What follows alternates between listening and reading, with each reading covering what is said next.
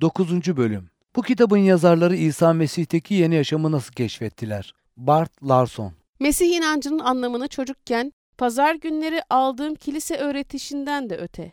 Ünlü bir müjdeci olan Billy Graham'ı televizyonda izlerken anlamaya başladım. O zamana kadar birçok Mesih inanlısının iki yüzlü veya garip insanlar olduklarını düşünüyordum. Doktor Graham'ın vaazını işitince yüreğimde bir şeyler olduğunu hissettim. Ne kadar öznel de olsa Tanrı'nın varlığının odada benimle birlikte olduğunu hissedebiliyordum. Doktor Graham'ın açıkladığı düşüncelerden birisi Tanrı'nın tamamen pak ve günahsız olduğu ve bizlerin günahlı olduğumuz düşüncesiydi. Örneğin bilinçli veya bilinçsiz olarak her birimiz Tanrı'ya karşı geldik ve onun yetkinliğinden yoksun kaldık. Kendimi fakat hakim bey öldürmemiş olduğum insanları göz önünde bulundurunuz diyen adamın durumundaymış gibi hissettim. Kutsal ve doğru olan Tanrı'nın karşısında tamamen suçluydum ve günahlı doğamda bir değişiklik yapmadan cenneti kirletmiş ve bozmuş olurdum. Günahkar olduğumu ne kadar çok reddettiysem kendimi o kadar çok suçlu hissettim.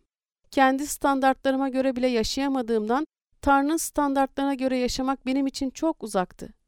Doktor Graham konuşmasında kiliseye gitmenin yeterli olmadığını söylemişti.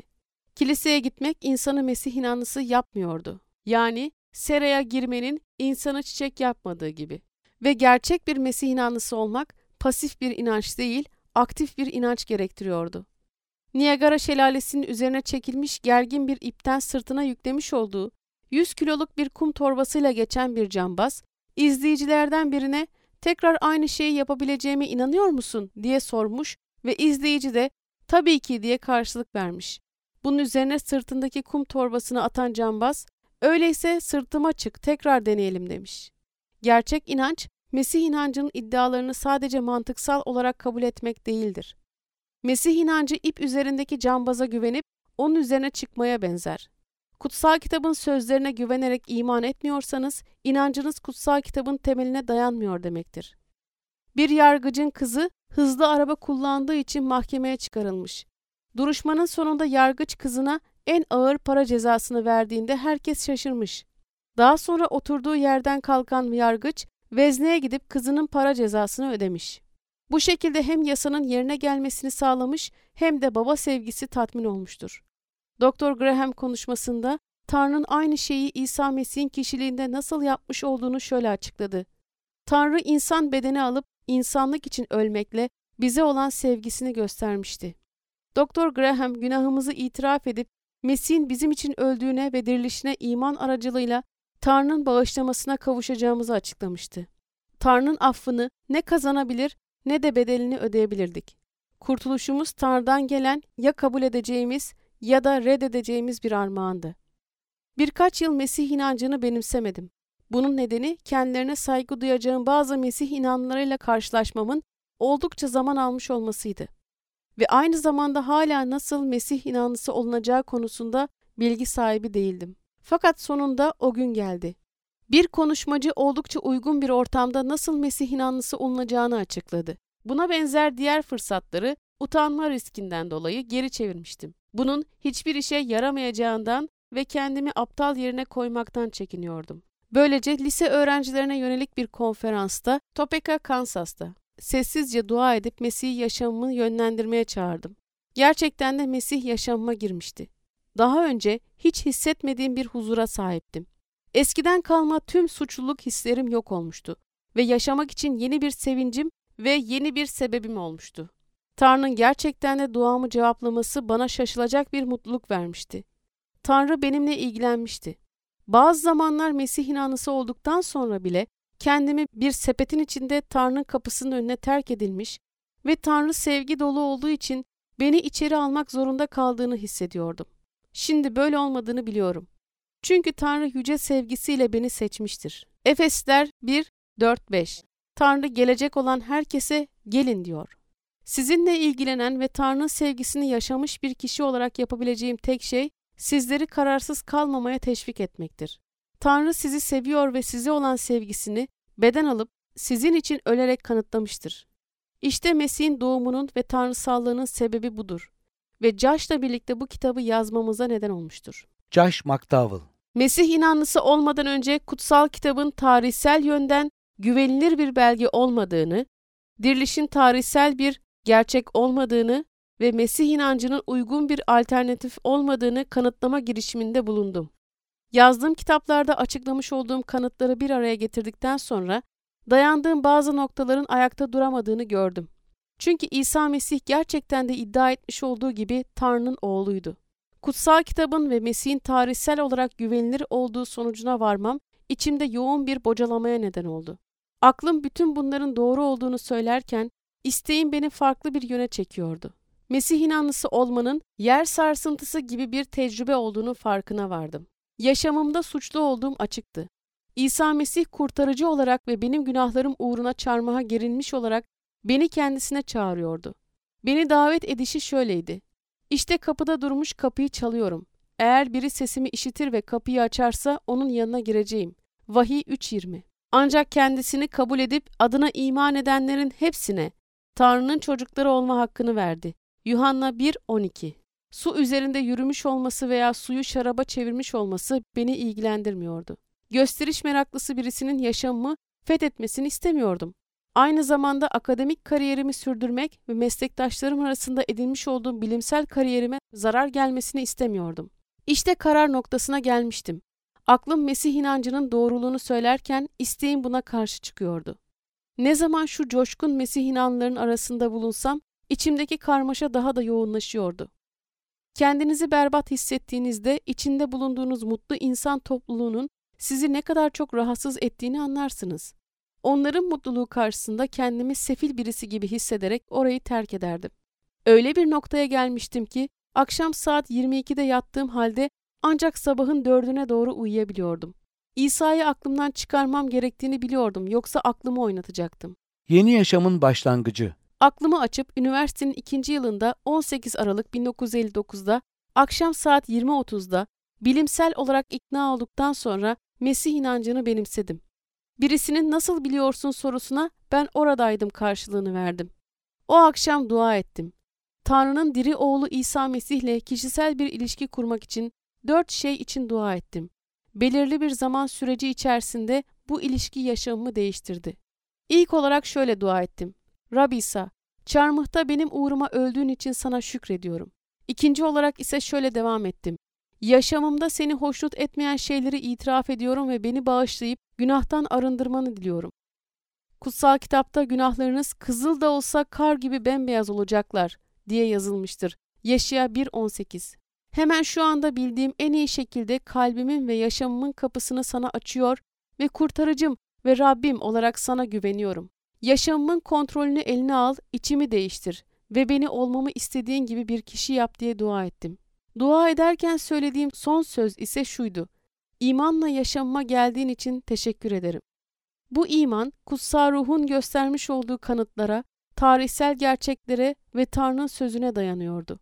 Eminim ki dindar insanların ilk kez Mesih inancını kabul ettiklerinde bahsettikleri şimşek akımını duymuşsunuzdur. Ben dua ettikten sonra hiçbir şey olmadı. Gerçekten de hiçbir şey olmadı. Hatta karar verdikten sonra kendimi daha kötü hissettim. Kusacağımı sandım. İçimden hastalandığımı düşünüyordum. Kendi kendime olamaz McDowell. Neyin içine girdin şimdi diye soruyordum. Gerçekten de en uç noktaya kadar gelmiş olduğumu hissediyordum. Ve bazı arkadaşlarım da benimle aynı fikirdeydiler. Yaşamımdaki değişmeler Fakat Rabbe gelişimin ilk altı ayından sonra yanlış bir karar vermediğimin bilincindeydim. Yaşamım değişmişti. Bir üniversitenin tarih bölümü başkanıyla tartışırken ona yaşamımın değiştiğini söyledim. Benimle alay edercesine bana şöyle dedi. McDowell, Tanrı'nın gerçekten de 20. yüzyılda yaşamını değiştirmiş olduğunu mu söylüyorsun? Hangi yönlerden? 45 dakika boyunca değişiklikleri anlattıktan sonra tamam bu kadar yeterli diye beni susturdu. Akılsal huzur Yaşamımdaki değişiklikleri anlatırken açıkladığım değişimlerden birisi de yorgunluğumdu. Her zaman dolu olan bir kişiydim. Ya kız arkadaşımla zaman geçiriyor ya da beş para etmez etkinliklere katılıyordum. Aklım öyle meşgul ve karmaşa içindeydi ki ders çalışmaya ve düşünmeye fırsat bulamıyordum. Fakat yaşamımı Mesih'e adadıktan birkaç ay sonra aklımda bir çeşit huzur vardı. Yanlış anlamayınız. Aklımdaki karmaşanın yok olmasından bahsetmiyorum. İsa Mesih'le olan ilişkimde karmaşanın yok olmasını değil, karmaşaya nasıl yaklaşılacağını gördüm. Bu huzuru dünyadaki hiçbir şeyle değişmem. Öfkenin kontrolü. Yaşamımda değişme gösteren diğer bir yön ise öfkemdi. Bir kişinin bana yan gözle bakması beni çileden çıkarmaya yetiyordu. Bu yüzden üniversitenin birinci yılındayken birisini az daha öldürüyordum. Hala bu kavgadan kalan yara izlerini taşıyorum. Öfkem benimle öyle özdeşleşmişti ki bilinçli olarak öfkemden kurtulma arayışında değildim. Mesih'e iman etme kararımdan bir gün sonra içimdeki öfkenin tamamen yok olduğunu fark ettim ve Rab'le olan 24 yıllık yürüyüşüm boyunca sadece bir kez öfkelendim. Nefret ettiğim kişi. Yaşamımda hoşuma gitmeyen başka bir yön daha vardı. Bu konudan bahsediyorum çünkü birçok kişinin yaşayan diri Mesih aracılığıyla yaşamlarında aynı türden bir değişime gereksinimleri olduğunu biliyorum. Yaşamımda hoşuma gitmeyen bu yön içimdeki nefretti. Yaşamım bir sürü nefretle doluydu. Dışa görünür şekilde değil, içimde oluşan bu nefret beni insanlardan, olaylardan ve diğer şeylerden nefret etmeye yönlendiriyordu. Birçok kişi gibi ben de kendimi güvensizlik içinde hissediyordum. Ne zaman kendimden farklı birisiyle karşılaşsam o kişiyi kendime tehdit olarak görüyordum. Yeryüzünde herkesten çok nefret ettiğim kişi babamdı. Ondan iğreniyordum. Babam kasabamızın sarhoşu ünvanına sahipti. Eğer küçük bir kasabadansanız ve babanız alkolikse herkes sizden bahseder. Herkes biliyordu. Lisedeki arkadaşlarım bana gelip babamla alay ediyorlardı ve bunun beni rahatsız etmediğini sanıyorlardı. Dıştan gülüyordum fakat içimden ağlıyordum. Bazen annemi gübrelikte yatarken buluyordum. Babam tarafından dövülmüş ve düştüğü yerden kalkamamış durumda oluyordu. Eve arkadaşlarımız geldiğinde babamı alıp ahırda bağlar ve arabayı da bir başka yere park ederdim. Böylece utanmamak için arkadaşlarımıza babamın bir yere gitmek zorunda olduğunu söylerdim. Benim babamdan nefret ettiğim kadar hiç kimsenin başka birisinden nefret edebileceğini sanmıyorum. Nefret sevgiye dönüşüyor. Mesih'e iman ettikten beş ay kadar sonra İsa Mesih aracılığıyla Tanrı'dan gelen bir sevgiyle babam için sevgi duymaya başladım. Bu sevgi içimdeki nefreti tamamen ortadan kaldırmıştı. Bu sevgi o kadar güçlüydü ki babamın gözlerine bakıp "Baba, seni seviyorum." dememi sağlayacak güçteydi. Gerçekten de artık babama karşı sevgi duyuyordum. Yaptığım bazı şeyler onu oldukça şaşırtmıştı. Özel bir üniversiteye geçiş yaptıktan sonra ciddi bir otomobil kazası geçirdim. Boynumdaki alçıyla eve götürüldüm. Babamın odama gelip benim gibi bir babayı nasıl sevebilirsin sorusunu hiç unutmayacağım. Ona, baba, altı ay önce senden iğreniyordum dedim. Daha sonra ona İsa Mesih ile ilgili varmış olduğum sonuçları anlattım. Baba, Mesih'in yaşamıma girmesine izin verdim. Tam olarak açıklayamasam da bu ilişkinin sonucu olarak tüm insanları oldukları gibi sevme ve kabul etme kapasitesine kavuştum. 45 dakika sonra yaşamımın en muhteşem anlarından birine tanık oldum. Kendi ailemden beni çok iyi tanıyan kişi olan babam bana şöyle dedi. Oğlum, eğer Tanrı senin yaşamında yaptığını gördüğüm değişikliği benim yaşamımda da yapabilirse o zaman ona bu fırsatı vermek isterim. Babam orada benimle birlikte dua edip Mesih'i yaşamına kabul etti. Genellikle değişiklikler günler, haftalar, aylar ve hatta seneler alır. Babamın yaşamı gözlerimin önünde değişmişti. Sanki birisi uzanıp babamın içindeki ışığı yakmış gibiydi.